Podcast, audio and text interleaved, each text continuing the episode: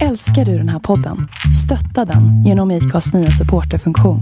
Det är helt upp till dig hur mycket du vill bidra med och det finns ingen bindningstid. Klicka på länken i poddbeskrivningen för att visa din uppskattning och stötta podden. Hej, jag Daniel, founder of Pretty Litter. Cats and cat owners deserve better than any old-fashioned litter. That's why I teamed up with scientists and veterinarians to create Pretty Litter. Its innovative crystal formula has superior odor control and weighs up to 80% less than clay litter. Pretty Litter even monitors health by changing colors to help detect early signs of potential illness. It's the world's smartest kitty litter.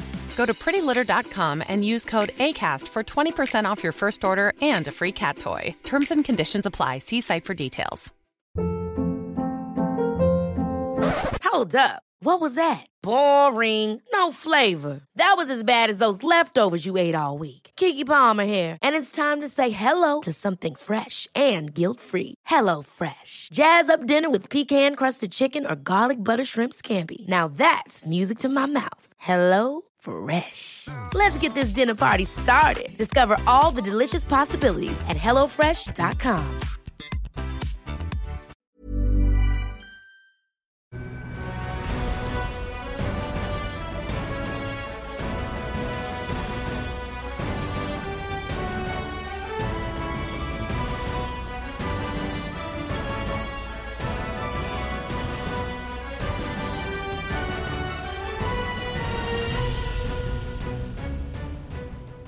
Hej och välkomna till ännu en eh, MotoGP-podd och eh, idag med eh, Lion och Mårtensson och dessutom med en extra gäst som alldeles strax kommer in i bilden.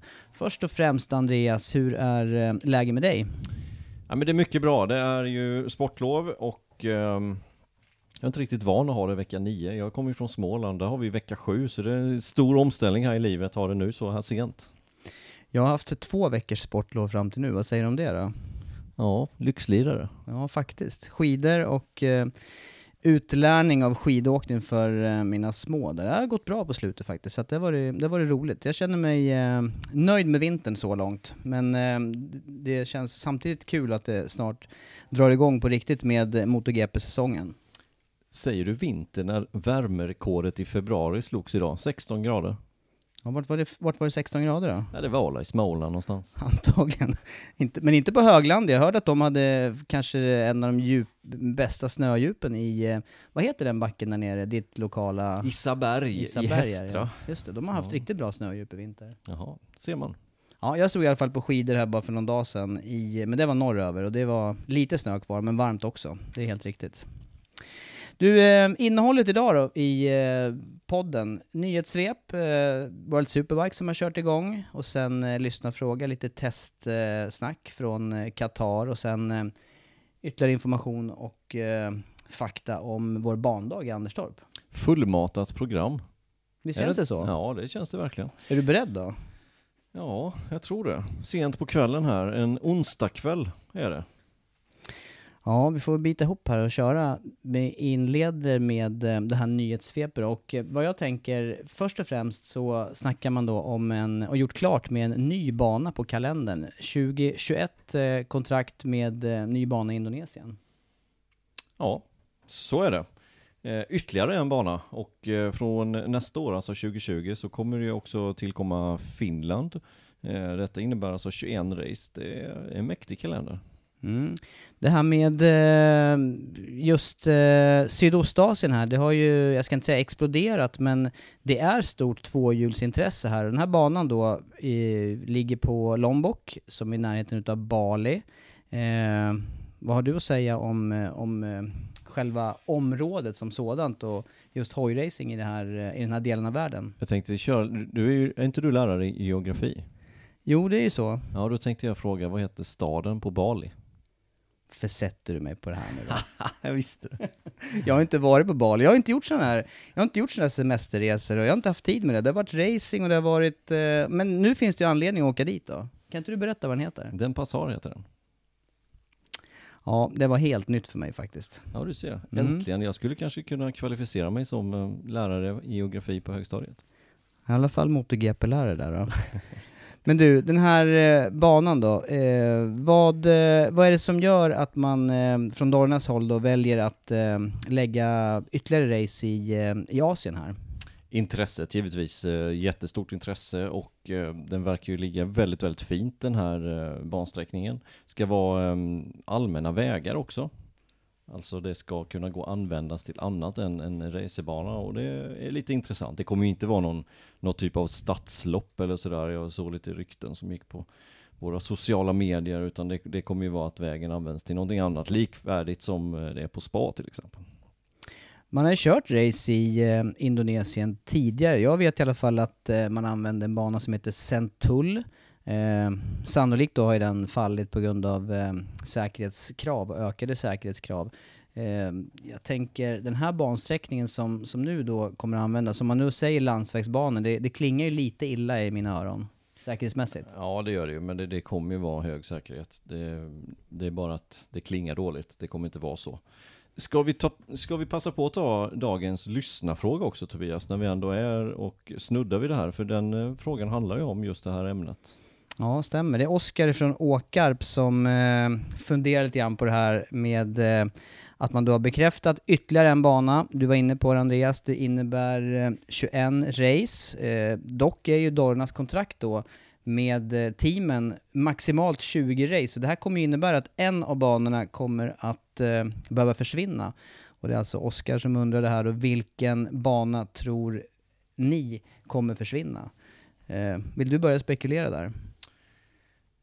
Ja, jättesvårt tycker jag. Eh, det finns ju eh, olika saker vad man tror och vad man vill, men eh, någonting som ligger nära till hands och tror det är väl att någon i Spanien ryker, för det är trots allt fyra race som går i Spanien. Det är Aragon, det är Catalunya, det är Valencia och det är Jerez. Och det känns ju som att någon utav dem kommer att försvinna, men egentligen vill jag inte se att någon utav dem försvinner, för jag tycker det är bra bana allihopa. Jag är också inne på din linje där, just att det är fyra race i, i Spanien.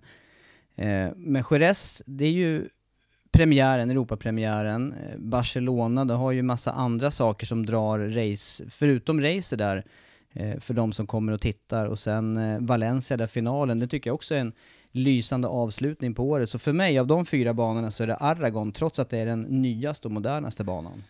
Ja, ja, ja re- rent upplevelsemässigt om man måste välja någon utav dem så, så väljer jag väl också den. Men jag tycker att det är en riktigt rolig bansträckning. Jag har kört det ganska mycket. Ehm, jag tycker det är synd om den också. Men var det inte lite snack om för något år sedan när de skulle asfaltera om Barcelona? Det var lite, var det inte lite gnorr där helt enkelt? Jo, just det.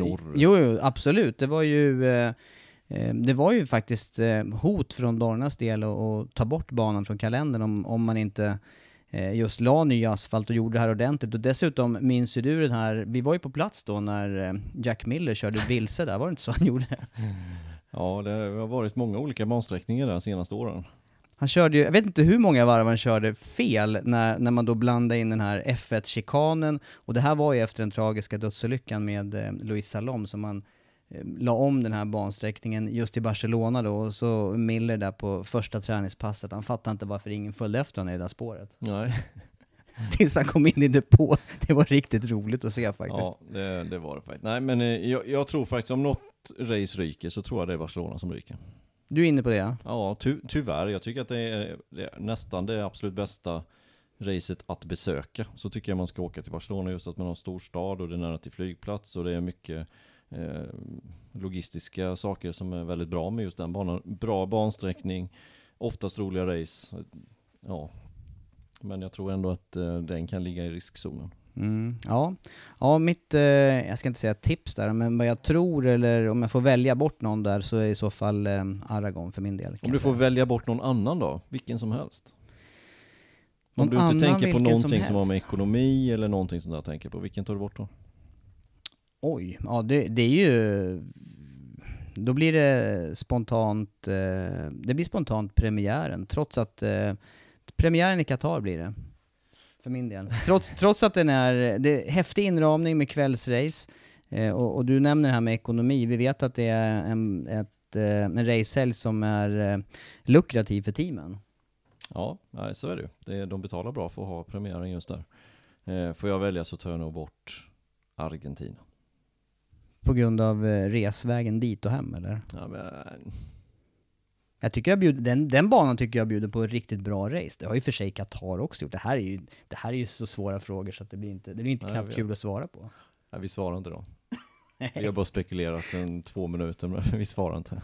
Nej, men tillbaka då till Sydostasien där. Indonesien i alla fall bekräftad och någonting måste ju ske då med, med kalendern i övrigt och, och, och förklaringen som du är inne på Andreas med eh, varför man väljer att lägga fler race där, det är ju publikintresset och vi har ju exemplet med eh, eh, Malaysia till exempel. Vi hade även Thailand där det var eh, den senaste nya nytillkomna banan här under fjolåret. Ja, exakt. Jag vet inte om du nämnde det. Eh, men eh, Dorna har ju kontrakt med teamen om att det inte ska vara mer än 20 stycken race. Det är därför problemet är. Annars hade man ju kunnat ha 21 race. Det kanske man kan ha i, i vilket fall. Det, det vet vi inte. Jag vet ju att framförallt teampersonalen då med massa resdagar, de har, eh, de har mycket synpunkter på det här och jämfört med F1 som också kör 20 race så är, så är mycket av den personalen som finns på plats eh, kör i skift om man säger. Det är uppdelat så att man är inte på alla 20 race. Men, men det är ju faktiskt merparten av MotoGP-teamen, eh, eller av medlemmarna i teamen, är på alla race. Och jämför man med F, F1 också så är ju skillnaden eh, vad förarna utsätts för. I F1 så eh, är det ju mindre troligt att skada sig. Ja, det är ju faktiskt en faktor för förarna. Nu tänkte jag mer på teampersonalen, men förarna, där, där har vi ju snackat om eh, många gånger den här tiden för återhämtning efter skador och annat och, och den finns ju knappt. Det kommer ju vara lite längre uppehåll dock den här säsongen under, under juli månad. Ja, exakt. De har lagt in någon helg till. Det är bra. Ja, det om Indonesien då och sen eh, nästa punkt där när det gäller eh, nyheter, det är ju eh, ett nytt straffsystem och det här gäller eh, saker som sker på banan som behöver bestraffas under race. Och där har vi varit lite kritiska tidigare. Det har vi varit. För innan har man haft att man ska droppa positioner i racet och eh, det, blir ju inte riktigt rättvist. Så man droppar en position och sen är det fem sekunder bak till den eh, föraren. Då är ju hela det racet förstört egentligen. På grund av en mindre förseelse. Eh, och ehm, då testar de ett nytt system istället. En, en straffslinga kan man kalla det. Ja, det är alltså en, eh, att man har dragit eh, en, eh, en vidare sväng helt enkelt. I Qatar kommer vi få se det här för första gången och, och då handlar det om kurva 6 där man då har byggt på och lagt en slinga utanför som en asfalterad avåkningszon i den här svängen då som är en 180 graders sväng. Ja, exakt. As- asfaltzonen fanns ju innan. Det var bara att man har ritat eh, ja, streck som ska föreställa en ny slinga där helt enkelt som man ta, ska ta sig igenom. Tre sekunder ska det ta och eh, ta sig igenom den här och eh, ja, vi får väl se helt enkelt hur, hur, hur det här kommer fungera. Ja, du gjorde ju själv en eh, liten analys av det här och eh, den finns att se på Instagram. Men vad, vad handlar det om, alltså vilka invändningar kan man ha mot det här eh, systemet då? Nej, för det första är jag positivt inställd. Jag tycker det är bra att de gör någonting. Jag tycker att eh, det kommer bli betydligt mer rättvisare. Eh, det negativa som jag ser det, det är ju dels att om någon förare går omkull i svängen så att säga, så kan den cykeln ta med sig den föraren som åker i det här alternativa spåret. Det är en sak. Eh, men kanske den viktigaste saken och den mest allvarliga saken, det är ju när man väl kommer ut på banan igen. Eh, där har man ju väjningsplikt, men utfarten ligger precis i idealspåret ut i svängen. Och när någon har blivit bestraffad då vet man att då brinner det lite mellan öronen och så ska man ut där igen och så kan det bli väldigt, väldigt trångt. Och eh, en hopstötning där är ju långt ifrån bra givetvis. Eh, en tredje sak är ju att det är väldigt smutsigt eh, i, utanför idealspår så att om man har en för tajt radie, för tajt sväng helt enkelt så kommer det bli ja, kinkigt att ta sig igenom. Svårt. Eh, man behöver ta det väldigt, väldigt försiktigt. Lätt att göra ett misstag. Mm, det kanske ligger i bestraffningens natur där att man måste besinna sig då i, i själva eh, i själva momentet där ute. Men jag är inne på din linje annars, att jag tycker att det är bra att man ser över det här, för vi har varit eh, just kritiska till det här när det varit stor tidsdifferens då till, till föraren bakom om man ska droppa en position. Det, det tycker inte jag heller funkar.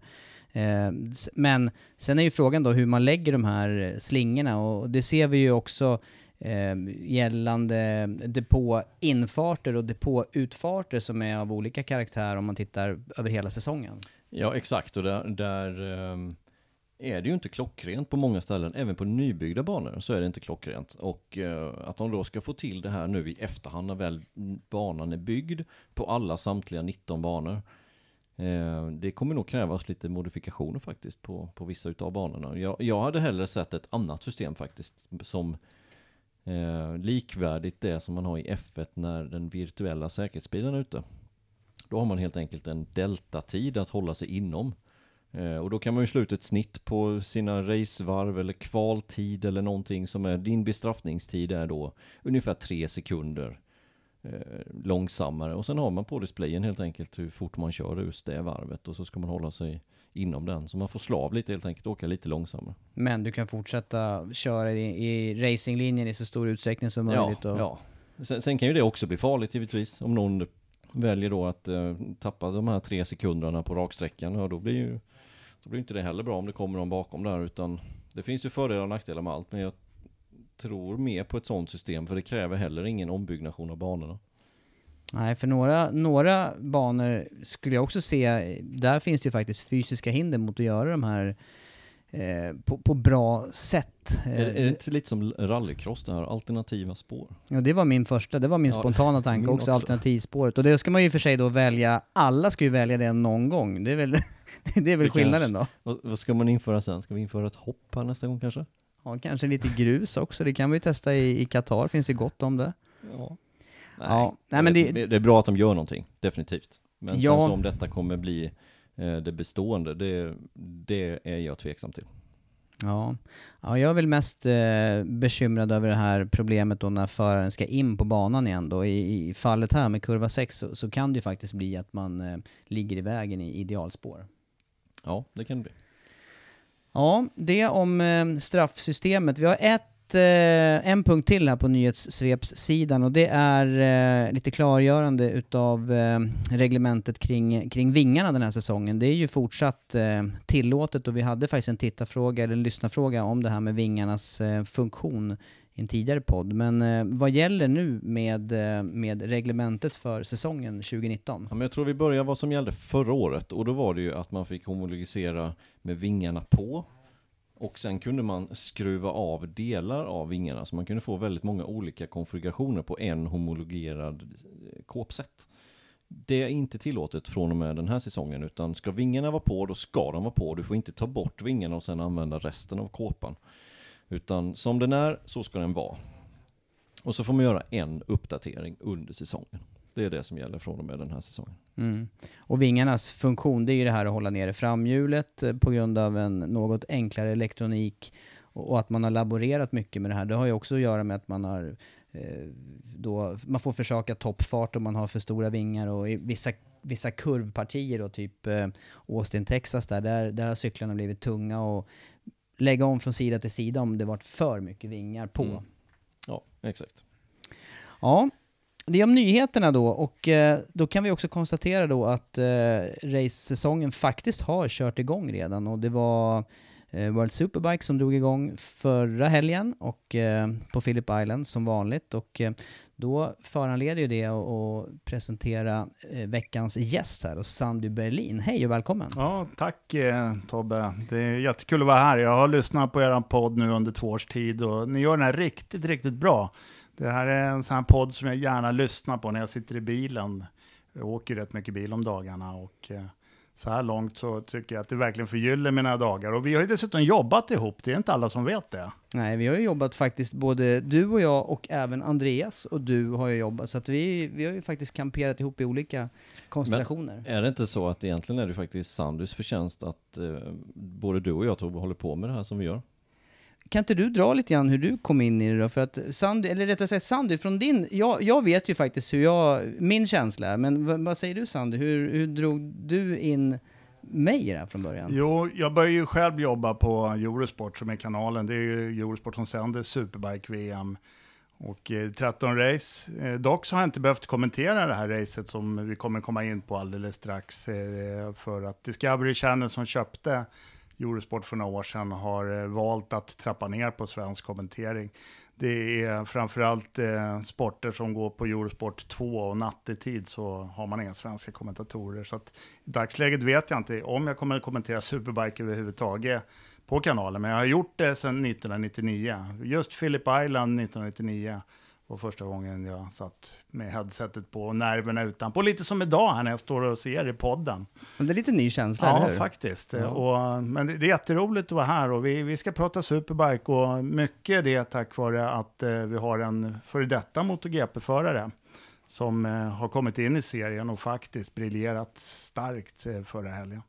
Men vad säger du då? Hur drog du in, eh, eller drog in, men hur, hur, hur var kopplingen här från början då? Ja. För, för det var ju du och jag från början här, av oss tre i alla fall. Ja, så här var det ju att eh, jag kommenterade ju Superbike men fick även hoppa in och göra de här långloppen, endurance-VM-loppen. Och många gånger hade jag med mig Björn Inge, även kallad Binge som bisittare, väldigt kunnig kille. Och eh, det vart mycket till slut och eh, du Tobbe körde ju faktiskt i endurance-VM. Jag vet inte om alla lyssnare vet om hur många gånger du har startat sådana här eh, endurance-lopp och framförallt hur många 24 timmars lopp har du kört? Ja, jag, jag är faktiskt osäker på totalen där, men jag skulle säga att det är åtminstone gått i mål i ett 20-tal. Jag har säkert startat ett par ytterligare då, men någonstans mellan 20 och 25, 24 timmars. Och, eh, i och Plus de andra endurance, alltså med lite kortare, 12 och 8 och 6 timmars också då.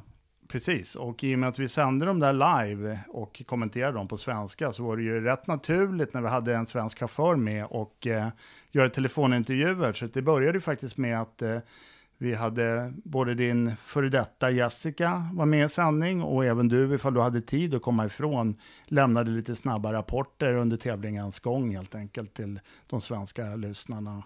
Det där var lite speciell känsla minns jag, försöka hitta något lugnt hörn då på Le Mans där in, mellan alla betongdepåer och grejer och den lilla korta lugna stund man hade där skulle man försöka skärpa sig och vara med då i någon eh, direktsänd intervju. Men det var, jag tyckte det var roligt. Och så det, det ena ledde ju till det andra i och med det också. Ja, absolut. För att när du väl la av, då var det helt naturligt att jag kunde kliva åt sidan. Och du och eh, Binge gjorde ju en hel del eh, långlopp på Eurosport.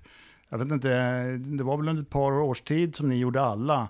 Och sen så klev du in som MotoGP-kommentator när Eurosport fortfarande hade MotoGP fram till 2008. Mm, ja, det var vägen in där helt enkelt. Det var, det var, det var min bild också av det här och jag tror att det var för att det klickade bra när vi snackade tillsammans där över telefon, vilket inte var helt lätt, eh, kan jag uppleva i alla fall. Dock tror jag aldrig du och jag har kommenterat någonting ihop. Nej, där blir jag osäker. Det kan, det kan stämma faktiskt. Men vi har mötts i studiodörren, för många gånger var det ju MotoGP på, ja, under dagen och så gick Superbike eh, emellan. Just det, du är nästa år med, med superbiken där.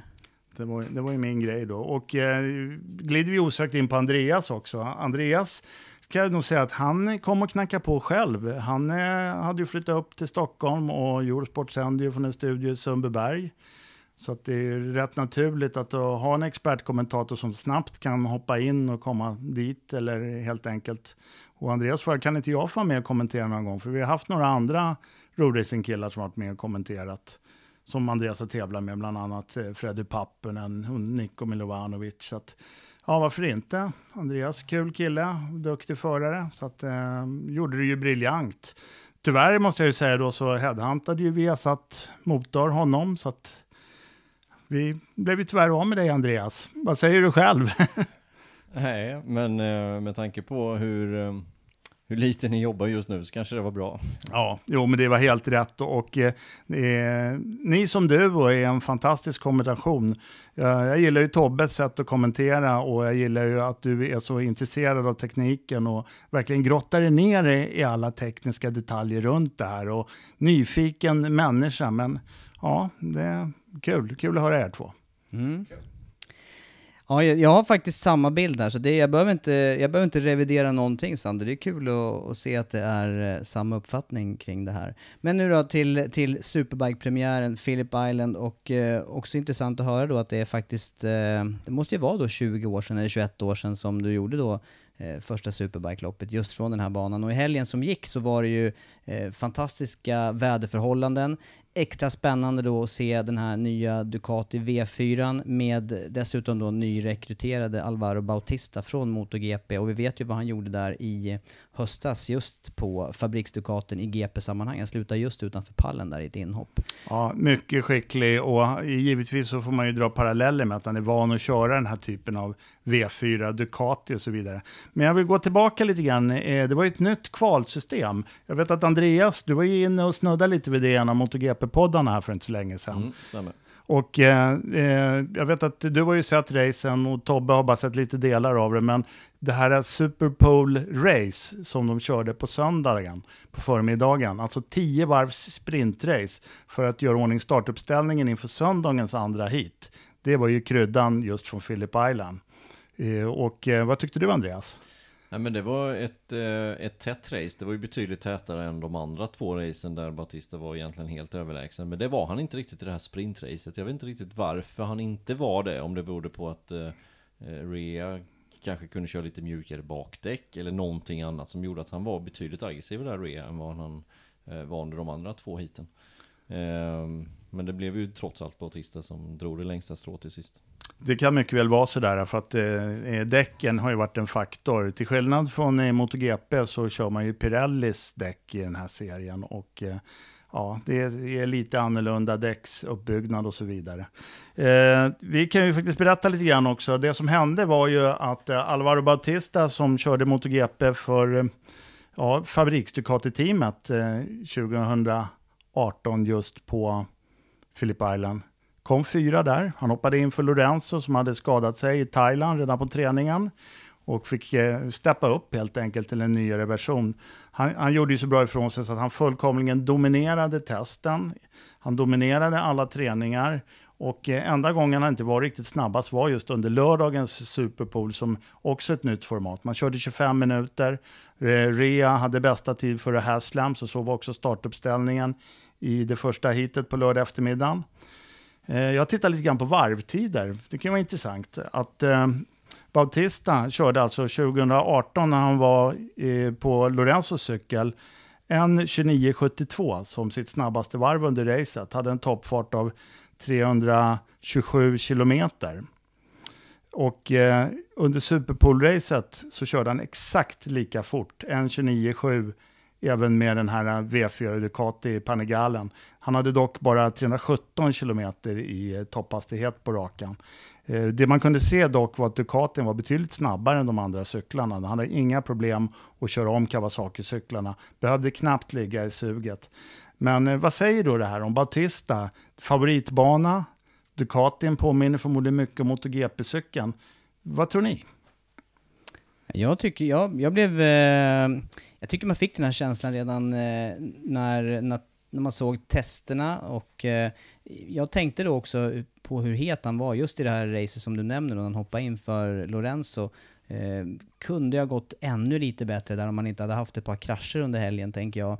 Men, eh, men eh, het såg han definitivt ut. Och, och sen, eh, också som du nämner här, med, med tanke på, jag ska inte säga överlägsenhet eh, fartmässigt, men precis som i MotoGP då så, så stack ju toppfarten ut här, eller i alla fall trycket ut på rakan. Där det såg ut som man hade eh, ganska lätt att ta sig förbi även i det här Superpole-heatet just på, på långa rakan. Jag, jag är grymt imponerad. Jag trodde inte att han skulle kunna gå in och dominera så som han gjorde faktiskt. Ehm, jag tycker att det... Jag, jag är lite förvånad. Jag tycker inte att det, det är pinsamt, men, men ehm, när någon förare kommer sådär, vinner tre raka race. Eh, ja, det var ju dessutom med, med, marginal i de här två långa racen som du sa Exakt, Sander. det var, ju, det var ju 15 sekunder i båda de heaten, eller till och med ännu mer i race nummer två. Eh, och, och tittar man på de andra Ducati-förarna så har ju inte de fått det att stämma överhuvudtaget. Hans teamkompis Chas Davis som har varit med och slåss om, slå, alltså blev han inte tvåa förra året i mästerskapet? Han har ju kört om VM-titeln de senaste fyra åren och hans bästa resultat under den här helgen var en sjunde plats. Ja. Och det var andra hitet. Och eh, han har precis lika snabb Ducati som Bautista. Vi ska också komma ihåg att eh, Jonathan Rea, han är fyrfaldig världsmästare i den här klassen. Och eh, han är klassens dominant och det kommer han vara även i år. Så att eh, även för Baltista såg det såg väldigt enkelt ut den här gången. Jag är inte säker på att det kommer vara lika enkelt om eh, tre veckor i Thailand till exempel. Vad tror ni? Nej, eh, mycket, det kan mycket väl vara så, för vi vet att, eh, att Bautista tycker om Thailand. Eh, eller tycker om Philip Island. Han, han har en körstil som han, han kan lyfta upp cykeln på ett, på ett bra sätt. Vilket han har lärt sig i MotoGP. Eh, vilket passar på Philip Island. Eh, lätt inte- förare också. Väldigt lätt, lätt. förare. Eh, så jag är inte alls säker på att han kommer vinna samtliga hit här den här säsongen. Men jag tycker ändå att göra sånt här avtryck som han gjorde, eh, det imponerar på mig. Absolut, det gjorde han. Och, eh, men vi ska inte glömma bort Rea, hans nya teamkompis Leon Haslam. Vi har eh, Lowe's, Vandermark, Yamaha. Vi har ytterligare två Yamaha från fabriken nu med Cortez och Melandri. Vi har Chas Davis, inte att förglömma. Eh, Rinaldi, ung italienare också med en bra Ducati-cykel. Eugene Laverty som i mina ögon var en besvikelse. Han vann ett race här på Suzuki 2014 på den absolut sämsta hojen. Hade, har också det här som en favoritbana, men kunde inte alls matcha. Och kör Ducati. Ja, och kör Ducati. Så, så någonting tyder på att Bautista har han har träffat helt 100% rätt med den cykeln. För det, cykeln är ju ny också, ska vi komma ihåg, till den här säsongen. De körde ju med, med vetvinnen förra året och åren innan det. Så detta är alltså första, första helgen med den nya cykeln. Och, och det verkar som att Bautista verkligen bara prickat allting. Både bana, temperatur, rubbet. Ja men det är ju bara att jämföra med Yamaha, hur länge de har kämpat här med sina toppresultat och eh, hur, hur, man, eh, för, hur man då har eh, äntligen då börjat komma närmare. Men eh, man har i alla fall eh, närmat sig, eh, man har ju närmat sig eh, toppresultaten i och med, eh, som du säger här Lowe's och eh, van der Mark. Absolut, det har man och så vidare. Det som har varit lite tråkigt då kanske med Superbiken, det var bara 19 cyklar på startplattan, varav ett var ett australiensiskt wildcard. Och vi saknar ju några cyklar på startplattan. Framförallt så saknar vi Aprilia, världsmästare med Sylvain Guintoli, var inte många år sedan. MV Augusta har ju kämpat på. Suzuki, när såg vi dem senast? Jag har något inhopp någon gång. Så att eh, helt klart så skulle klassen behövas en liten uppryckning och det kanske det här Bautista kommer med nu, att det blir en liten extra krydda och motivation. Absolut, det, det hoppas jag faktiskt. Men, men om, vi, om vi tittar lite på Bautistas karriär här då. Han har ju en GP-titel från 125-tiden.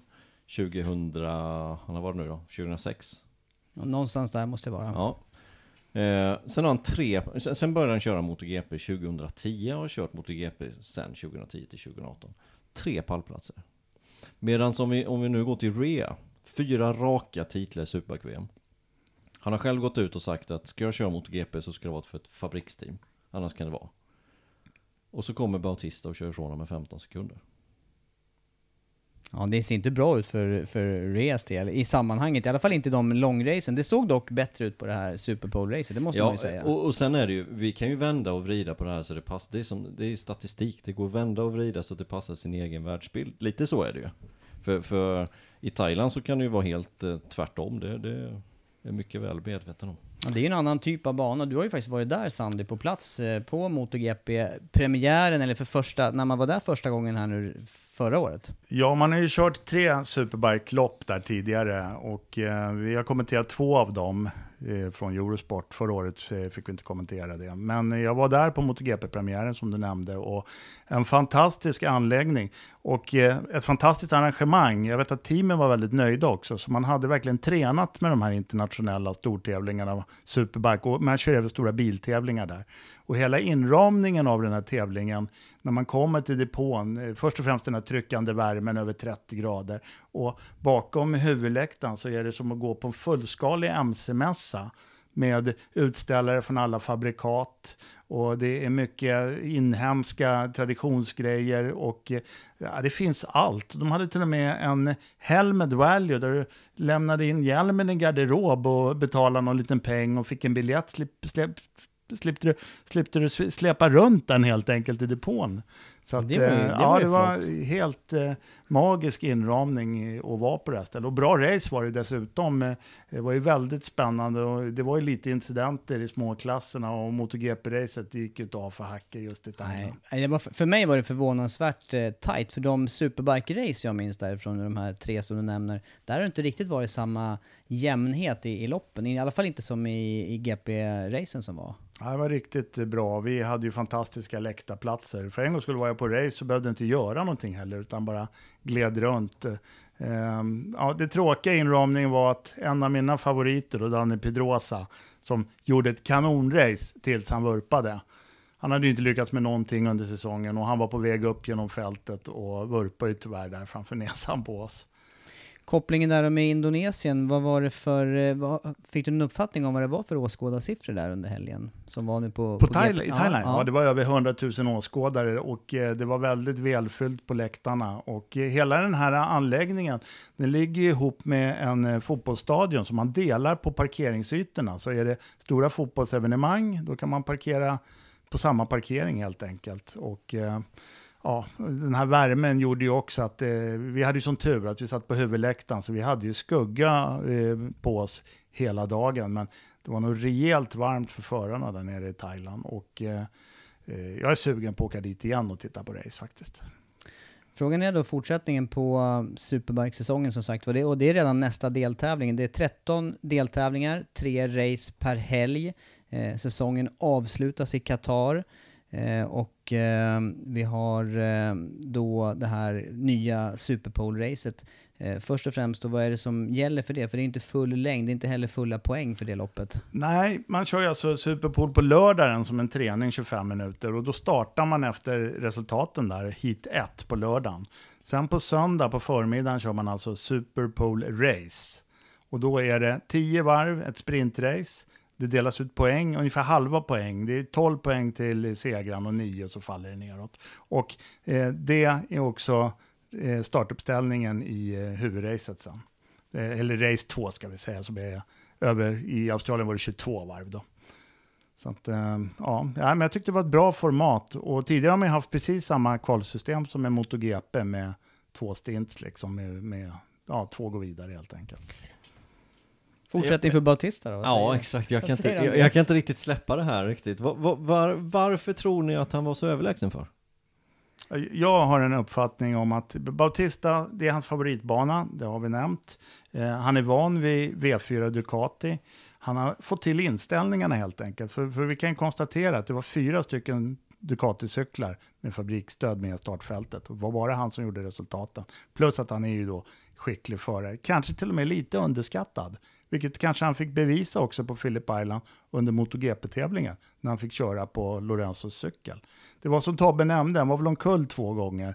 Så att det började väl inte helt bra med den här äh, GP18-cykeln. Han, han, eh, nej precis, och då fick han ju tillgång till den här växellådan första gången. Han körde ju en, eh, en fjolårs Ducati under förra året ju, en GP17-cykel. Eh, och den här nya växellådan som Ducati hade på fabrikerna, han var inte riktigt van vid de här, den här semi-automatiska växellådan. Ja, det kan ju vara en anledning till att han vurpade. Ja exakt, det, det var anledningen till att han vurpade så många gånger. Men, men fortfarande, det går inte... Visst, få till inställningar, jag håller med. Favoritbana, jajamensan. Men 15 sekunder? Ja, det är helt otroligt. Två gånger?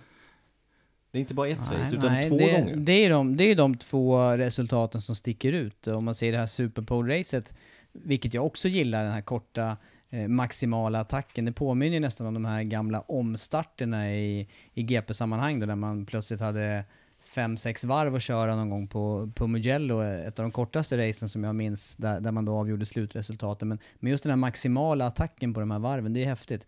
Men, men eh, bygga upp den här, det vet ju du från, från dina race Andreas, det här med att, är man i ledning och, och fortsätter att bygga, bygga på ledningen när den är uppe i 3, 5, 7, kanske 10 sekunder, det, det krävs ju någonting också.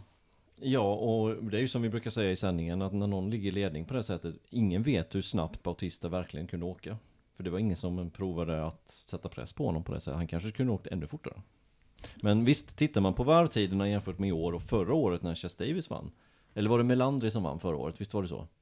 Eh, och, och då skiljer inte racetiderna speciellt mycket däremellan så att säga. Så att, ja, då, I sådana fall är det ju att alla andra underpresterar den här helgen. Vi kan i alla fall konstatera att Bautista ledde samtliga 44 varv som kördes under racet. Det enda han inte fick med sig var faktiskt eh, snabbaste varv. Det är, har eh, Rea 1.29.41, vilket är en bra tid. Då. Eh, Melandri vann ju dubbelt som du nämnde förra året, 2018, och då åkte ju han Ducati. Han kom på pallen vid första långa hitet på lördagen. Men eh, ja, spännande fortsättning, ovisst. Eh, jag kan också nämna att eh, bottennappet den här helgen var för debutanten Alessandro Del Bianco, en italienare. En ung kille som vurpade fem gånger. Och eh, sista vurpan gjorde han redan efter starten i andra heatet när han bara kom ner till andra svängen. Förmodligen på kalla däck, för han hade gjort någonting i depån i sista sekunden. Så att, eh, det ska bli kul att se ifall han kan lyckas lite bättre här i Thailand om två veckor. Ja, ingen, ingen bra helg. Men, men eh, fortfarande, kommer, han, kommer Bautista fortsätta tror ni? Så här? Jag skulle vilja göra en liten koppling också till det här vi snackade om. Det var ju bara någon vecka tillbaka som vi pratade om det här. Det var en lyssnarfråga för övrigt med eh, eh, vem vi kunde tänka oss eh, skulle komma in som nästa MotoGP-stjärna som inte kommer från någon GP-sammanhang. Och jag är fortfarande inne på det att just GP-mästerskapet är så pass eh, hårt och jämnt så att eh, det krävs den här maximala satsningen redan från FP1 och redan från försäsongstesterna. Jag säger inte att det saknas i, i World Superbike, men, men Jonathan Ray, han har ju på något vis abonnerat på de här titlarna. Det, någon slags, något slags uppvaknande lär det här ha blivit för honom och förhoppningsvis då så kan han steppa upp ett, ett hack efter den här helgen, men jag tror att de blev lite tagna på sängen, flera av toppförarna. Det, det tror jag också. Har du något svar på den lyssnarfrågan? Vi gick ju bet på den i förra veckans podd, men vi trodde eh, som, som inte kom. Hey, it's Danny Pellegrino from Everything Iconic. Ready to upgrade your style game without blowing your budget? Check out Quince. They've got all the good stuff shirts and polos, activewear, and fine leather goods, all at 50 to 80% less than other high end brands. And the best part? They're all about safe, ethical, and responsible manufacturing. Get that luxury vibe without the luxury price tag. Hit up quince.com slash upgrade for free shipping and 365 day returns on your next order. That's quince.com slash upgrade. I'm Sandra, and I'm just the professional your small business was looking for. But you didn't hire me because you didn't use LinkedIn jobs. LinkedIn has professionals you can't find anywhere else, including those who aren't actively looking for a new job but might be open to the perfect role, like me. In a given month, over 70% of LinkedIn users don't visit other leading job sites. So if you're not looking on LinkedIn, you'll miss out on great candidates like Sandra. Start hiring professionals like a professional. Post your free job on linkedin.com/achieve today. Hold up. What was that? Boring. No flavor. That was as bad as those leftovers you ate all week. Kiki Palmer here, and it's time to say hello to something fresh and guilt-free. Hello Fresh. Jazz up dinner with pecan-crusted chicken or garlic butter shrimp scampi. Now that's music to my mouth. Hello Fresh. Let's get this dinner party started. Discover all the delicious possibilities at hellofresh.com. ifrån GP-sammanhang skulle bli nästa stjärna i MotoGP. Svårt, men vi har ju de här spanska mästerskapen som är väldigt starka just nu och det kommer ju många förare den vägen och det verkar ju vara en plantskola. Tidigare har ju Supersport, VM och Superbike varit plantskolan in. En förare som bevisade det är ju Cal Crutchlow, vann eh, Supersport-VM 2009, hamnade hos Yamaha, körde deras Superbike två säsonger och kommit upp till MotoGP och framförallt är han kvar. Han, jag tycker han har haft lite tur att vara kvar också. Det är under några år när det var mycket crash low. Resultaten stämmer. var inte på hans sida, men han får förnyat förtroende ändå. Kanske för att han är britt. Sen är det ju en till som faktiskt kör ett officiellt fabriksteam som kommer från serien. Det var vi inne på också, det är ju Danilo Petrucci. Ja, Eh, han har ju kört stock. superstock dessutom. Exakt. Mm, så Så han har gått riktigt eh, långa vägen och han skulle ju till och med kunna vinna racet nu i nästa vecka. Ja, han har ju faktiskt eh, briljerat under de här testerna. Som, Men, men frågan var ju ja, i- icke-existerande. Ja, jag tror att det är, är någon ung kille från det spanska mästerskapet. Så ska- man eh, lyckas, Men då, då får- måste man harva i Spanien helt enkelt. Ja, ja. Och, och, men, men, men fortfarande så får man ju inte ta sig via motor 2 i så fall om man ska passa in i våran eh, fråga här. Nej, det är sant, det är sant. Eh, Alltså det, den överraskningen som jag tyckte var roligast och det var också det mest pirriga under hela fjolårssäsongen i MotoGP var faktiskt finalracet på Valencia med den här unga turken som vann i Moto 3. Som Ja, dessutom höll på att slänga sig på sista varvet i överlägsen ledning.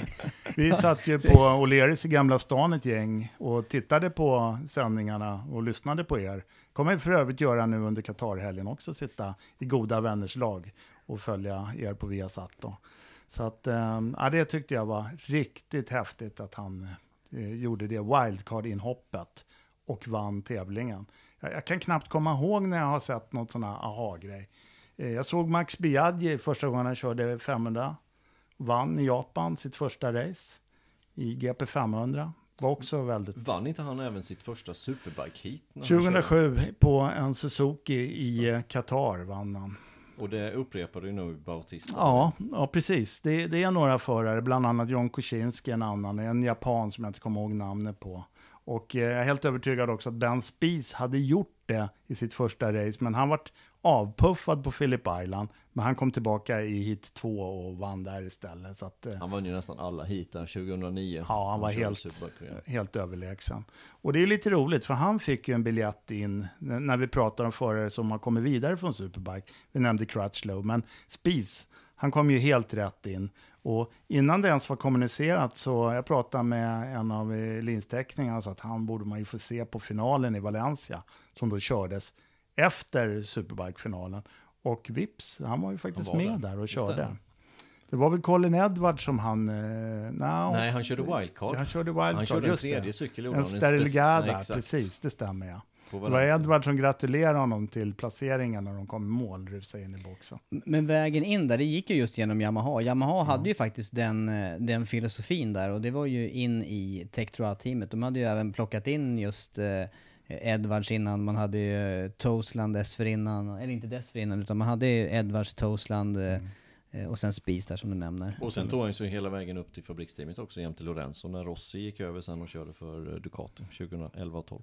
Jag får ju ofta höra att det här är en pensionärsserie det här med Superbike-VM då, att Max Biaggi kommer dit och ja, han började ju 2007 och han vann ju faktiskt VM två gånger, 2010 och 2012. Och eh, 2012 då vann han alltså Superbike-VM med en halv poäng före Tom Sykes. Vet ni vem som eh, var teamkompis med Ben Spies när Ben Spies vann 2009 då? Ja, Tom Sykes. Tom Sykes, han är fortfarande kvar, kör BMW i år. Ja, det stämmer. Och det är en ny cykel som tyvärr inte är riktigt färdigutvecklad. Den gick, till skillnad från Ducatin gick den väldigt långsamt på raken. Jag vill nämna en annan grej då med den här pensionärsvinklingen då. Det, är eh, det var en kille som vann eh, Superbike-VM 2006 på en röd motorcykel som fick hoppa in istället för, eh, var det Seti Gibernau som var skadad ja, i Valencia? jämte Capirossi. Och eh, han stekte hela MotoGP-eliten. Vem var det? det vet jag också till och med.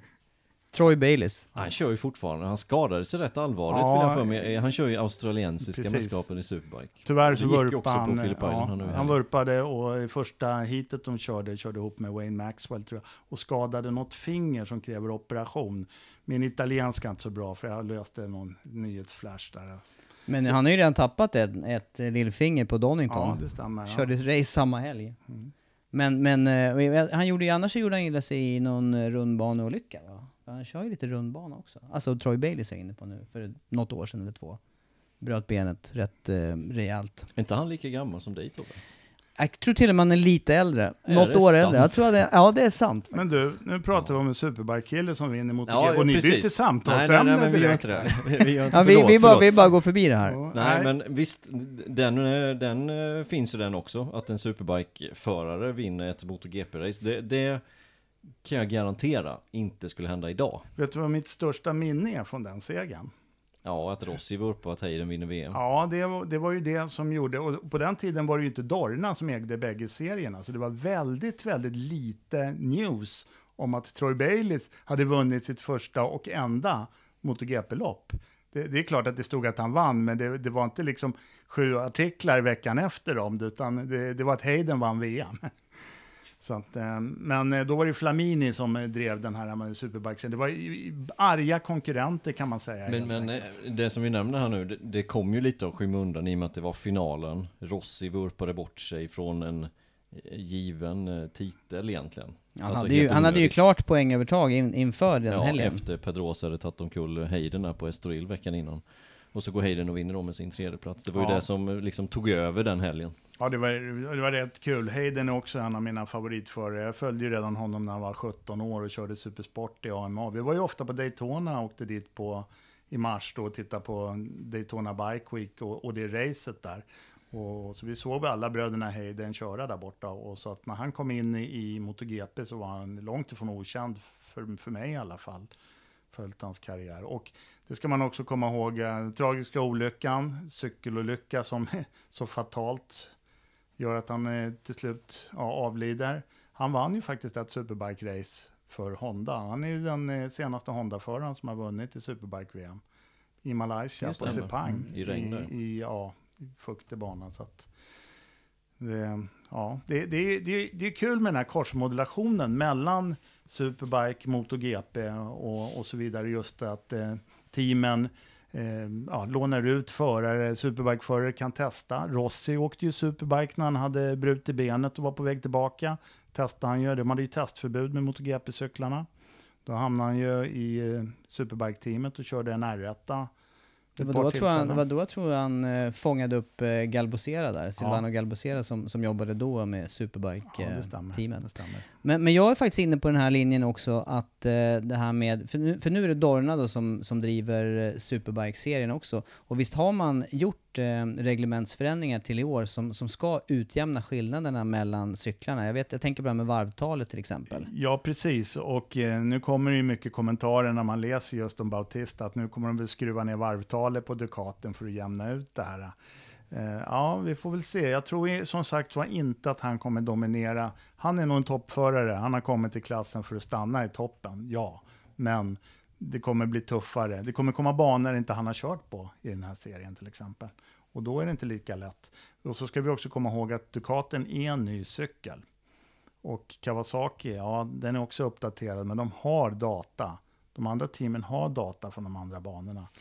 Vilka, vilka banor är det som är lika här nu? Det är, eller vilka som är olika? De kör ju Magnicor bland annat, de kör Imola som inte kör i MotoGP. Vad är det mer för banor i Superbike-VM? Ja, jag är lättare nästan att säga de som är samma. Assen, Qatar.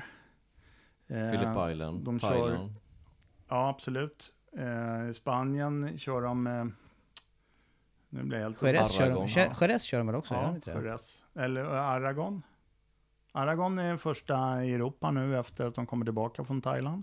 Sen kör de väl Donington? Donington kör de. Så men de där kör, det inte kör inte MotoGP. MotoGP. ja. Det är en 6-7 banor någonting då som Ja. är lika, så det är lika många som inte är lika. Ja, det blir spännande att se vad, vad Bautista just kan göra där. Men som sagt var det här med, med eh, jämnheten i MotoGP nu då, eh, tror jag är en faktor som, som gör att förarna som kommer därifrån, eh, likt Bautista här nu då, de, de, eh, de har den här sista lilla edgen just i nuläget. Eh, Rea har ju fått Superbike-serien att se tråkig ut under några år. Britten Britterna överhuvudtaget. Alltså, eh, van der Mark vann på Donington dubbelt förra året. Innan dess, ja, vem var det som vann som inte var en britt? Var det Jorge de Torres i Qatar på en Aprilia för, för fem år sedan? Eller, alltså, britterna har ju fullkomligen dominerat Superbike-serien. Och eh, det vore kul att se lite andra namn på prispallen och gärna som tar segrar också. Guintoli, för sig fransman, var ju med bra när han vann VM. Men, men om Bautista fortsätter så här, kan, han, eh, kan det vara hans biljett in i MotoGP? Definitivt. Han kör för det officiella fabriksteamet Ducati. Han har en klausul med. Blir han världsmästare, då åker han en fabrikshoj mot GP nästa år. Tror du? Jajamän. Eller om, om vi säger så här då, han kanske har två års kontrakt för att uh, köra med Ducati i Superbike-VM. Kuczynski, han vann med Honda 97 Superbike-VM. Körde en RC45, körde med Kanemoto i MotoGP-VM året efter. Men om vi vänder på det, vem, vem ska han peta då? Ska han peta Jack Miller? Ska han peta Bagnaia? Ska han peta Petrucci? Ska han peta Dovizioso? Ni har tydligen glömt bort att Repsol körde tre hojar här för några år sedan med bland annat Dovi och... 2011 bland Ja. annat. De tog dock aldrig alla tre topppositioner, Repsol Honda, just det året. Jag väntade på det, jag var ju Honda-förare själv då, så jag nästan gick och hoppades lite på det. Mm. De var väldigt nära i Malaysia, men då bröt de ju racet på grund av Simon Chellis olycka. Ja, jag tror att eh, Bautista har eh, i det finstilt att blir han världsmästare så står det en GP20 eller GP21-hoj till hans förfogande med Ja. full fabrikssupport. Jag, jag, är, jag är mer tveksam till det faktiskt, jag är det. Han är ändå till åren. Ja. Han är ju nästan lika gammal som jag tänkte säga. Han är ett år yngre än vad jag är. Ja, det, ja där är, det är ju det som är problemet. Och samma med, med Rea. Han är, är ju för gammal. Och så länge inte Kawasaki tävlar i MotoGP så eh, det han, stannar där han har roligast och får bäst betalt. Och det är just nu hos Kawasaki i Superbike. Vad tror du Tobias? Ja, jag är med på eh, din linje där Andreas, att eh, man vill ha då från, om, om man vinner VM här i Superbike så tror jag att Ducati vill ha kvar honom just, i alla fall som det ser ut här utifrån inte det, premiären där. är inte det lysande marknadsföring helt enkelt? Att ha kvar honom där på en sån hoj som ändå säljs på gatan? Jag tänker att det är det. Sen så vet jag också att man är ute efter titeln i eh, brittiska Superbike också då. Då får vi se vem det är som kan, eh, som kan eh, aspirera på den titeln. Tänk bara hur många nya V4R som är beställda här nu i och med att Bautista vann de här segrarna i helgen. Ja, säkert. Några Ja, stycken. Jag tror det definitivt. Lite kul att ni nämner det brittiska mästerskapet, för att det har ju varit knallhårt. Och där har man ju betydligt striktare regler med just elektroniken, eller brist på elektronik skulle jag vilja säga. Där är det högerhanden som styr traction-kontrollen. Och det har ju varit väldigt bra och täta race där. Mm. Att, Och det, eh, det är också en MotoGP-förare som ska dit och åka. Det är Ja, Scott Redding. Mm, det blir roligt. Vad synd att han På inte kom, är det inte så? Mm. synd att han inte kom till Superbike-VM. Det hade... Han kanske ångrar det nu när han ser att eh, fasen jag var lite bättre än Bautista och så går Bautista och steker alla så här. Ja, ja. Spännande utveckling. Det finns ju som ni är inne på här massa kors, eh, korsvisa intressen och möjligheter i alla fall för de som eh, visar framfötterna ändå att kliva framåt. Ja, vi kan ju passa på att nämna då innan vi rundar av det här att eh, vi har ju alltså Supersportmästerskapet också. Det är 600 kubikarna standardcyklar det också. Och där är det i alla fall 25 förare på startplattan. Det är lite bättre än Superbike-VM. Och eh, eh, vi har en tjej med och kör där.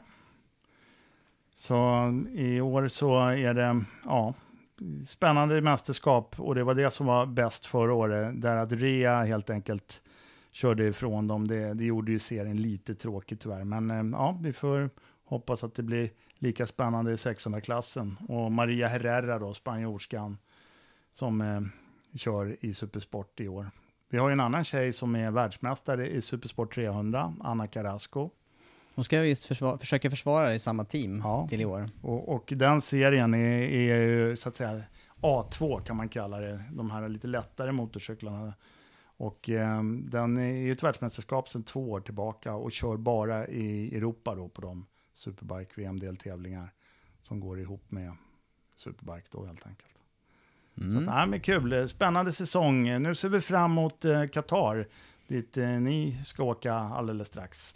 Ja, det leder oss in på nästa programpunkt här. Tack Sandy för att du ville eh, vara med och eh, snacka Superbike då framförallt. Och det är den, det mästerskapet och den serien som redan har dragit igång. Men det är inte långt bort till, eh, till eh, MotoGP smäller igång eh, nästa helg. Och eh, man har kört de avslutande testerna här nu.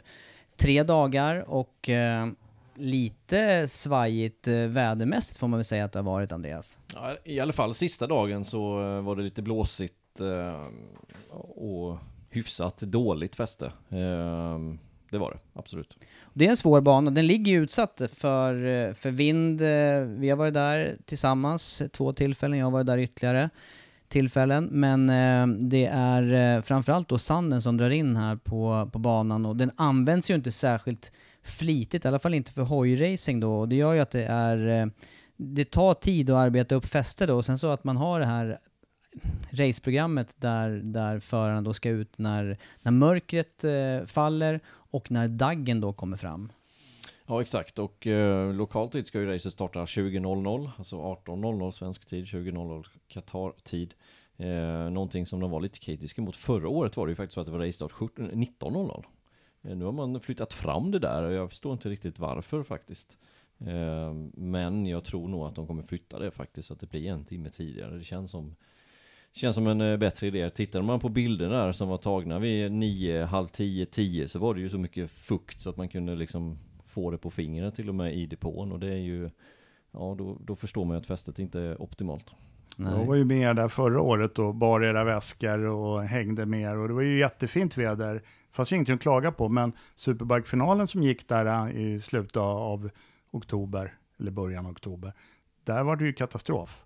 Då var det ju storm. Till och med de här antennerna som skulle sända bilderna eh, över hela världen från tävlingen blåste ju bort och vred sig och, och kamerariggar blåste omkull och det kom in ett skyfall. Så att eh, de hade ju svårt att få banan att dränera trots att man hade gjort förändringar sedan MotoGP för två år sedan. Och så fick de väl ställa in hit två och det gjorde att inte Rea kunde ta så många segrar för att komma upp i, vem var det nu som hade? Var Ja. det Dogpoolen eller Någonting sånt var det. Så att eh, vädret är lynnigt. Trots att det bara ska vara sju regndagar per år i Qatar så, så verkar de här racehelgerna på något vis klippa dem. Du var ju där 2009. Ja, ja, jag fick ju flyga hem då med, med Peter och kommentera eh, racet i efterhand eh, hemifrån, för då var det regn och gick inte att köra där, för det, det gjorde man inte då när det var regn och eh, kvällskörning. Och vi hade ju också vansinniga översvämningar när vi var där Andreas, för var det två säsonger sedan?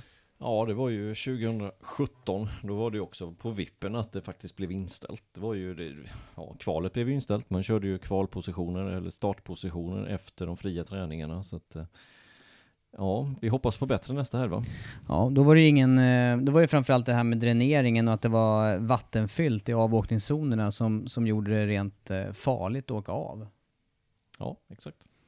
Ja, nej men till, till testerna här då. Tre dagars tester och eh, det man kan eh, konstatera det är ju att det är fortsatt väldigt jämnt tidsmässigt. Vi har alltså 15 förare inom en sekund. Så att det är ju svårt att göra något nedslag och säga att där kommer, de, den och den kommer att vara i, i toppen. Det, det går ju knappt att utläsa efter det här.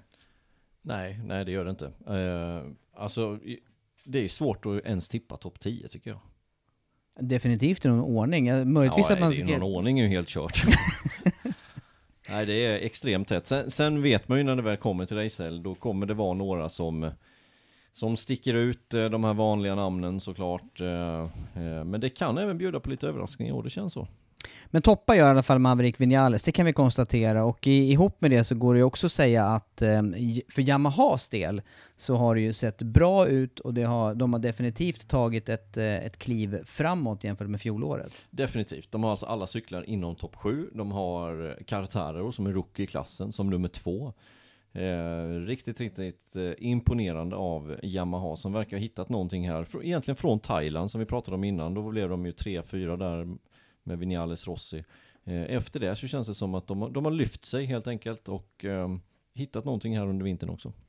Och tittar man just på Vinales då så, så är det ju precis som under eh, fjolåret, eh, eller backar vi två år tillbaka, när han, eh, när han dominerade testerna. Försäsongstesterna var ju dominant på. Ja, och vann de två första racen. Sen var det däremot lite mera torka då för Vinales del. Men han har alltså fortsatt eh, eh, testandet här och jag, om jag inte eh, minns fel här nu då så är det eh, ett eller tvåa i eh, så gott som alla testdagar som har körts här under vintern. Det är något eller ett par undantag från det. Ja, det stämmer. Han är bra på att testa helt enkelt. Det har varit eh, de två åren innan i eh, Yamaha-teamet. Men han måste ta med sig den farten in också i säsongen. Vad var hans svaghet under fjolåret Ja, framförallt? starterna och första varvet, definitivt. Där var han ju sämst i klassen vill jag påstå. Eh, det måste han verkligen förbättra. För att i det här jämna startfältet, du har inte råd att vara 10 in i första svängen om du ska vara med och försöka vinna racet. Det går en bra dag, men en dålig dag kommer det aldrig gå. Vi hade ju omvända förhållandet med, eh, för Rossis del framförallt där, om man nu jämför de två teamkamraterna där, där Rossi var den som plockade positioner utifrån sin, eh, i starten där och sen jämnade det väl ut sig mot, eh, mot slutet av racen de två emellan. Ja, han hittar allting till söndagen och sen så är han stark inledningsvis innan däcken har droppat av. Då var, då var, han, då var Vinales lite starkare än vad Rossi var under förra säsongen. Men Rossi har inte varit lika tydligt snabb här under eh, försäsongstesterna, inte som Vinales i alla fall. Nej, men eh, han gör sin eh, 20 säsong också, så han har ju rutinen på när man ska vara snabbast. Eller? Jo, det måste ju vara något sånt som... eh, jo, men det har vi ju varit inne Det, på. det var som Det- Marcus det- sa, att eh, det spelar ingen roll hur det gick det här testet egentligen, för att alla åker härifrån med noll poäng. Så är det ju. Och eh, för, för Rossis del så är ju mitt favorituttryck gällande honom, det är ju söndagsåkare där, just med, med tanke på att han alltid hittar någonting extra. Det är inte den här touringåkaren då som åker en fin åkning, utan han hittar något extra fartmässigt i racen. Ja, definitivt. Vilka har vi mer eh, pil uppåt på då, tycker du, efter testet här? Ja men fortsatt, ja dels det här testet men även övriga tester då så vill jag ju lyfta fram eh, Rins, Alex Rins eh, på Suzuki där som ser Dels så ser han stark ut, han, är stabil och eh, sen har han inte mycket negativt att säga heller om, om cykeln. Nej, jag håller med. Eh, riktigt stark försäsong. Han eh, gjorde en bra förra säsong också, men tror han kan vara med i år då? Ha, har han det här, det sista?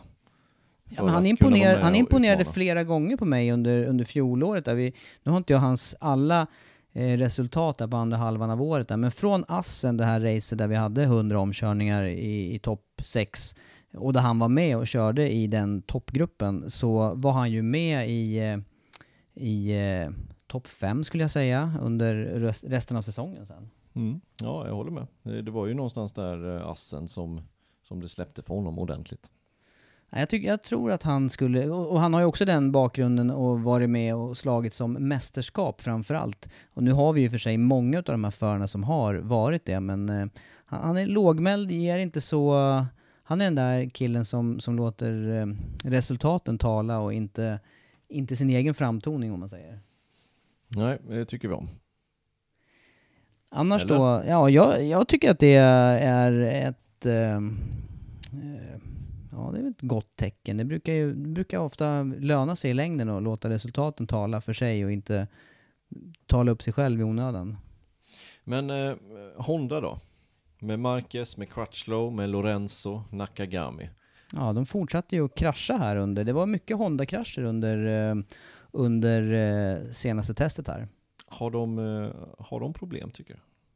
Jo, men vi var inne på det tidigare här med skadeläget framför allt. Nu kraschade ju Marcus och fick testa sin axel, verkar ju hålla för den kraschen i alla fall. Han gjorde en ganska eh, högfartskrasch under, eh, under, visst var det sista testdagen? Ja, just.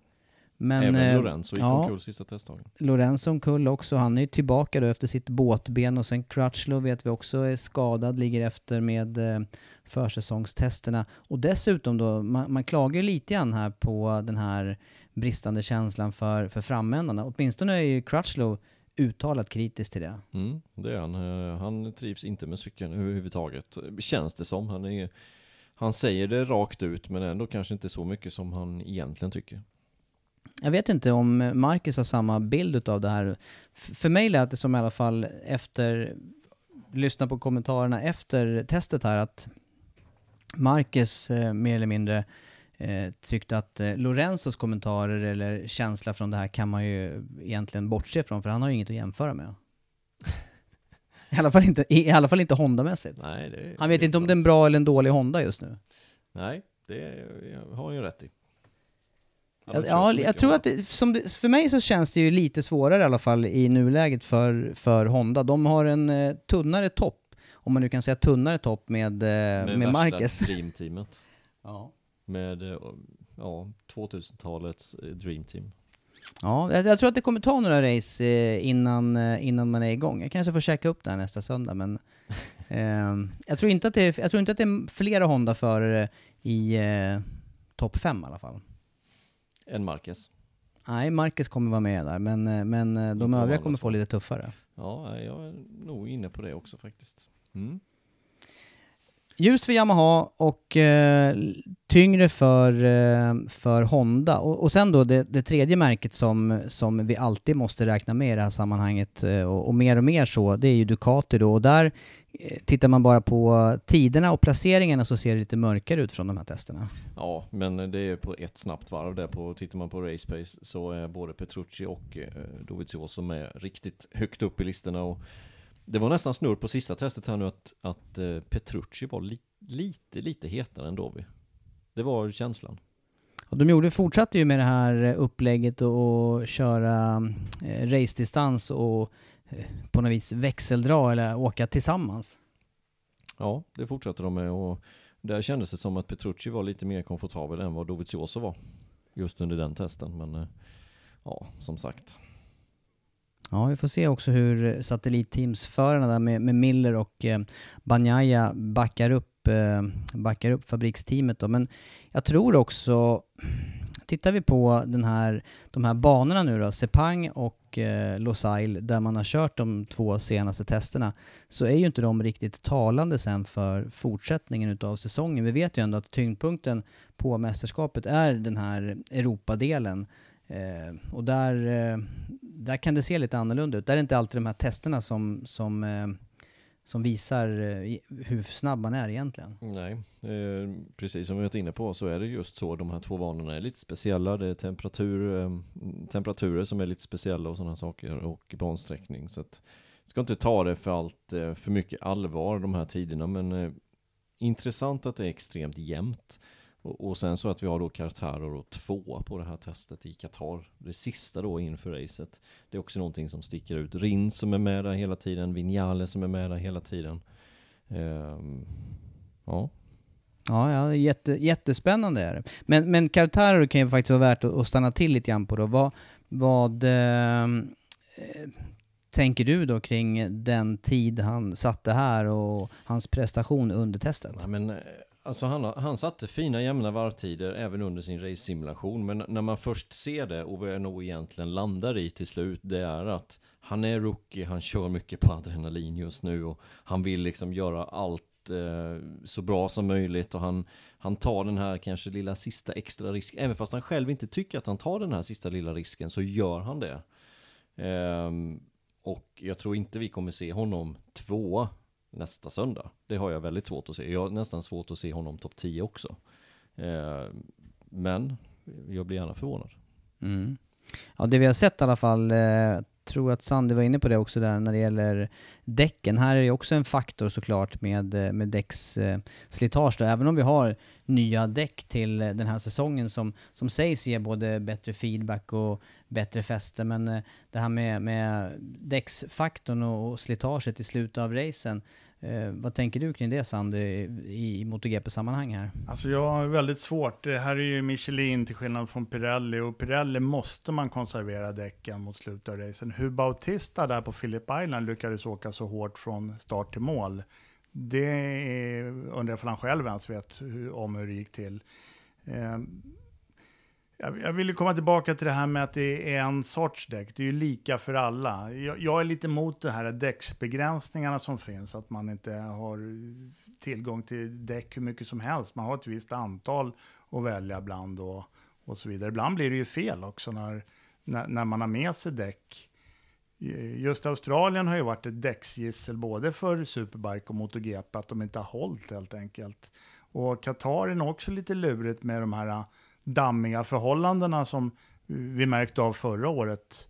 Även om det var bra väder när vi var på plats så var det ju väldigt, eh, väldigt dammigt på banan. Så att, eh, ja, det gäller att konservera däcken och få dem att hålla och ha maximalt grepp. Vi såg ju Sarko förra året starta från pole position. Han hade ju inte däck kvar efter halva racet. Nej. Och sen var det ju även, eh, jag tänker på skillnaden där förra året mellan, eh, då tror jag vi snackade om eh, Dovizioso kontra Petrucci. Eh, som båda åkte Ducati där och, och helt olika körstil. Dovizioso med mjukare körstil och Petrucci med en lite brutalare stil där, där eh, det ena ger däck i slutet utav racet. Eh, ja, och jag är väldigt imponerad över Petruccis försäsong och, och hans kommentarer. Han, han, han har ett, år, ett årskontrakt. Han vet mycket väl att en dålig säsong här och en, en, bra säsong för Miller, ja men då blir det Miller som kommer upp i fabriksteamet till, till nästkommande säsong. Jag tycker Petrucci ser starkare och starkare och starkare ut i mina ögon. Eh, just med när man lyssnar på vad han säger, han backar upp det med varvtider. Han eh, känns som att han arbetar metodiskt. Det ska bli intressant att se när väl säsongen drar igång, om han kan hota Dovi. Ja, det vore, ju, det vore ju extremt spännande. Just när ni pratar däck då, har Michelin kommit med några nya däck för den här säsongen till MotoGP? Det har de gjort. Två nya bakdäck, ett nytt framdäck. Eh, framdäcket kommer redan till Jerez, alltså fjärde racet. Bakdäcken kommer ju redan nu till, till Qatar. Som ska vara, de ska vara bättre hållbarhet, det ska vara bättre edge grip och eh, ja, och även funka i ett bredare temperaturspann här. Så att förhoppningsvis så, så kan man hitta rätt på ett annat sätt när det gäller de här valen som du, som du är inne på, som man gör långt i förväg. Ja, men ifall det åska och drivis i Qatar när ni kommer dit då, jag. Ja, ungefär så. ungefär så. Nej, men jag ser, jag ser mycket fram emot den här premiären och eh, det här med, eh, med jämnheten där och ha 15 förare inom en sekund, det måste jag säga, eh, det, det är ju någonting som eh, reglementet har bäddat för, bland annat den här man kan tycka vad man vill om det här med enhetsdäck och begränsningar hit och dit, men, men på något vis så, så har det ju gett väldigt, väldigt jämn racing. Ja, enhetsdäck är jag helt med på. Det är, det är den här begränsningen när en kille som Valentino Rossi inte kan åka ut på, måste åka ett skrubbat däck för att han inte har nya kvar till, till nästa träning. Är inte det med F1 det är så? Blandar ja. du inte ihop det här nu med F1? ja, det var ju alltså 2004 så gick ju Superbike-VM ifrån det här med att köra olika däcksfabrikat och det var ett jäkla liv för att tillverkaren menar på att det här är ett världsmästerskap. Att alla ska vara med och tävla, även de olika däcksfabrikanterna. Men problemet var att alla fick inte de bra däcken. Eh, eh, var man med bra, åkte man fabriksteam eller gjort bra ifrån sig, då fick man gå och välja tidigare i däckshögen än vad förare som var längre ner på listan var. Så att när Pirelli klev in, då, då, gjorde man kontrakt. Alla hade ju tillgång till samma däck. Och det här tog man ju efter i MotoGP med Bridgestone. Jag vet inte vilket år man gick till enhetsdäck. 2008? Ja, det låter rimligt för mig där. Jag är Någonstans. osäker, någonstans Men ju, där. just det där med att man får välja däck i, i högre upp i resultatlistan, det är ju bara att fråga vem som helst utanför topp 10 i 250 när det väl begav sig. Det var ju också precis på samma sätt. Ja. Man fick inte tillgång till de riktigt bra däcken helt enkelt från Dunlop i det här fallet. Ja, nej, så det har man i alla fall gått ifrån. Då. Jag, jag gillar den här tanken att det ska vara eh, jämna, täta race. Så det har vi fått facit på. Förra året i Qatar så var det ju väldigt spännande, bra race. Vad är ert främsta minne? Jag och eh, er producent Patrik, vi satt ju faktiskt på huvudläktaren när cyklarna dånade förbi 300 kilometer och eh, i den här inramningen med strålkastarna, alltså vi hade gåshud. Ni satt ju i korvkiosken rakt över start och målrakan. Eh, vad kommer Kallt ni ihåg? Från... det är det där också, för det är mycket AC på. Ja men främsta minnet, ja, ja, dels är det ju det här med eh, att det är lite extra spänning allmänt när det är premiär. Så är det alltid, det är den här ovissheten. Det har inte, det har inte blivit något mönster än på säsongen. Och sen eh, med, med den här jämnheten, jag, jag är allt, de senaste åren har jag varit fascinerad över eh, farten som, som Ducatina har på raksträckan där. Hur, hur, jag ska inte säga lekande lätt, men hur, hur eh, ja, vi säger hur svårt övriga märken har att hänga av Ducati-förarna rakt fram.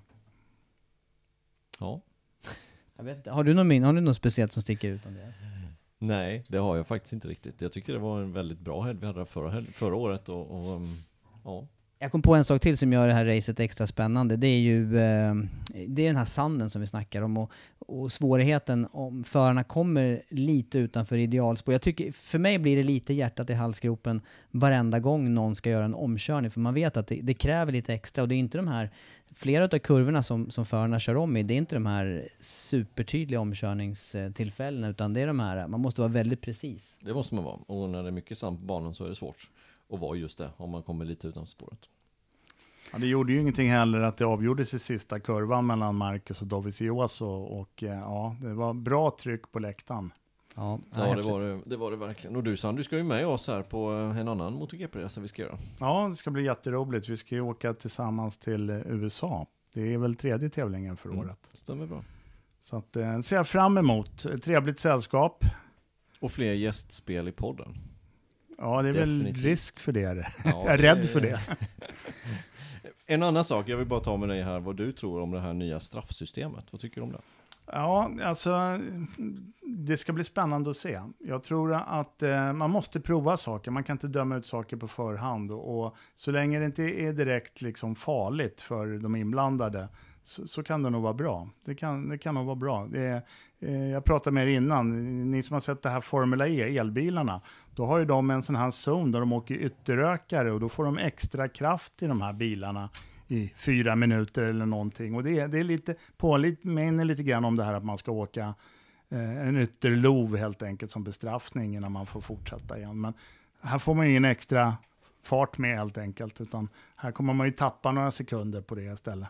Men just det här med eh, och släppa en förare som ligger långt bakom, som ni nämnde i inledningen, eller en sån här bestraffning som i, i, i tjuvstart, då tjänar en halv sekund och du ska köra igenom depån, en ride-through. Det är ju rent ut sagt osportsligt liksom. Mm. Ja, intressant att höra dina synpunkter här. Eh, ett par korta programpunkter tänker jag till innan vi eh, avrundar den här MotoGP-podden. Och eh, dels så har vi en podd till innan det är dags för premiären och då får vi gå in lite mer i detalj på eh, testresultaten och eh, testandet här i Qatar från eh, de senaste dagarna. Men eh, vi ska också nämna det om eh, vår bandag här på Anderstorp. Den sjunde i sjätte är eh, bokat och klart och då kan man komma och eh, köra gatcykel i eh, tre olika grupper. Och eh, Anderstorp är en bana som du känner väl till Andreas, för övrigt eh, banrekordhållare där under, ja, hur många år är det egentligen? Känns som en halv, halv eh, uppväxt. Han vart väl av med det här i somras har jag för mig. Ja, så var det. Ja, det, höll sig, det höll sig i sju år, men eh, jag tror jag vet vilket håll det svänger åt i alla fall. Men, men, det är inte syftet med bandagen här, Absolut utan det här är, här är gatåkare och eh, kom och testa på en riktigt eh, bra, stor bana. Ja, och få hjälp av eh, erfarna instruktörer helt enkelt. Vi kommer köra några varv, jag kommer ta med mig min cykel, och kommer köra med den. Eh, 7 juni, anmälan på motogppodden.se. Även, vi finns även på Instagram, följ oss där. Mm, värt att nämna. Som sagt var, mer om testerna från Qatar och mer snack eh, inför säsongspremiären i Qatar då som eh, går av stapeln söndagen den 10 mars. Då är det alltså dags för säsongstart MotoGP. Med det så rundar vi av den här MotoGP-podden. Tack så mycket Sandy för att du var med oss idag. Kul att hänga med i garaget. Andreas som vanligt eh, och Ja, jag kan inte tacka mig själv här men... Ja, men vi, vi tackar dig Tobias för ett lysande program. Lång podd återigen. Ja, vi, vi får, vi, får se till att, vi får se till att hejda oss. Vi, vi, vi är väl sugna som tusan här nu på att få snacka på riktigt. Det här är ju kort jämfört med hur länge vi pratar under en racehelg. Ja, ja, det är sant. Racer, vad är det? 15 timmar live någonting? Ja, det är något sånt. Ja. ja, tack för att ni är med och lyssnar. Vi eh, hörs igen om en vecka.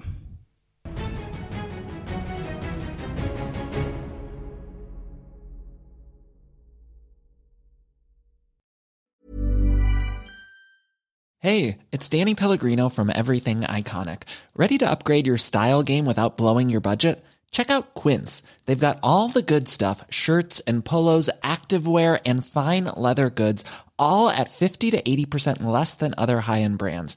And the best part? They're all about safe, ethical, and responsible manufacturing. Get that luxury vibe without the luxury price tag. Hit up quince.com slash upgrade for free shipping and 365 day returns on your next order. That's quince.com slash upgrade. Hold up. What was that? Boring. No flavor. That was as bad as those leftovers you ate all week. Kiki Palmer here, and it's time to say hello to something fresh and guilt-free. Hello Fresh. Jazz up dinner with pecan-crusted chicken or garlic butter shrimp scampi. Now that's music to my mouth. Hello Fresh. Let's get this dinner party started. Discover all the delicious possibilities at hellofresh.com.